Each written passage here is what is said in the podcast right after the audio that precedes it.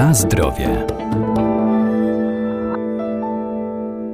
Istotą zdrowego odżywiania jest to, co zjadamy, jak często i w jakich ilościach. Nie bez znaczenia jest także uregulowanie czasu pracy, snu i odpoczynku, a przygotowując posiłki, warto zadbać o ich skład. Najlepiej sięgać po produkty naturalne, eliminując te wysoko przetworzone, a także ograniczać spożywanie czerwonego mięsa, włączając do diety warzywa i owoce.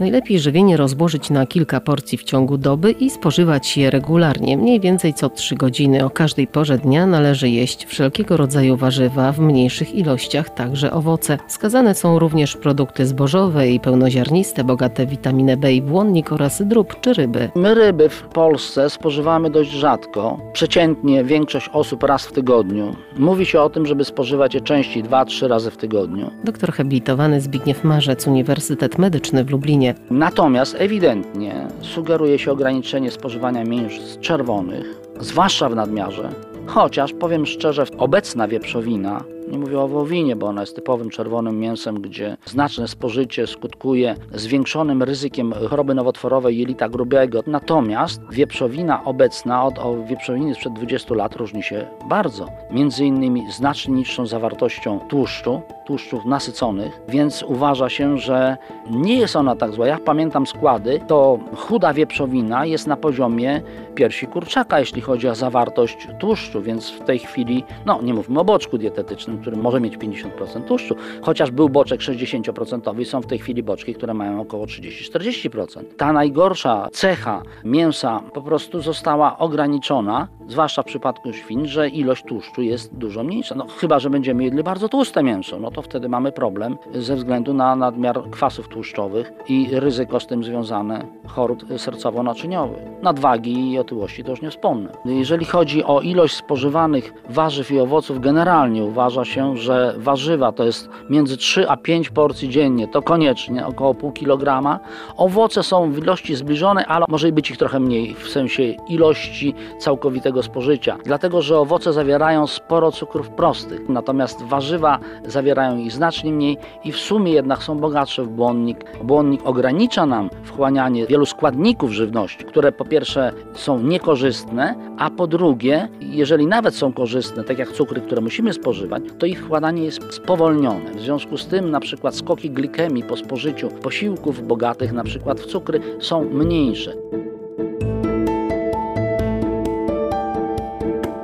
Na zdrowie. Ważne są również produkty nabiałowe. Doskonałym źródłem wartościowego białka, wapnia czy tłuszczu mlecznego są sery dojrzewające, ale są one też wysokokaloryczne, dlatego spożywanie ich w nadmiarze nie jest wskazane. Nabiałowe produkty zawierają co prawda cenne białko, no ale niestety znowu pojawia się, e, no w przypadku produktów mlecznych, bardzo ważne, to główne źródło wapnia w diecie, to nie ulega wątpliwości. Natomiast niektóre z nich zawierają większe ilości tłuszczu. I tu jest pewien problem tłuszczów nasyconych, bo to są tłuszcze pochodzenia zwierzęcego, w tym nawet trochę tłuszczów trans, mleko je ma, więc taka jest tendencja, żeby to ograniczyć. Poza tym, powiedzmy sobie szczerze, wiele produktów mlecznych typu jogurty, zwłaszcza dla dzieci, są mm, przez producentów dosładzane do granic niemożliwości, bo taka jest preferencja smaku. W związku z tym, z tymi produktami też należy uważać ze względu na dużą zawartość cukru. Tutaj naturalne produkty bez słodzenia są znacznie lepsze. W Polsce dość znaczne jest spożycie twarogu. Technologia produkcji tego produktu powoduje, że gro wapnia znajduje się w serwatce. W związku z tym, mimo że ser jest ciałem stałym, zawiera ilość wapnia na poziomie mleka. Natomiast e, sery dojrzewające, żółte, które tak mówimy, zawierają znacznie więcej tego pierwiastka. Jeżeli weźmiemy, że mleko ma około 100 mg na 100 gramów, to parmezan ma 1200. Inne sery nasze, te żółte dojrzewające mają 500, 600, 700, więc to jest naprawdę dużo. Ktoś powie, no dobra, ale mają sporo tłuszczu. No tak, tylko sera nie zjadamy pół kilograma żółtego po prostu, tylko raczej kilka plasterków.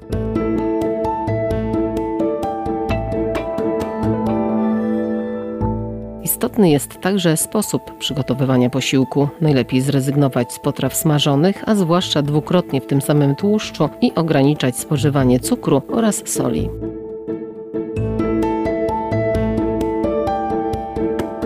Na zdrowie.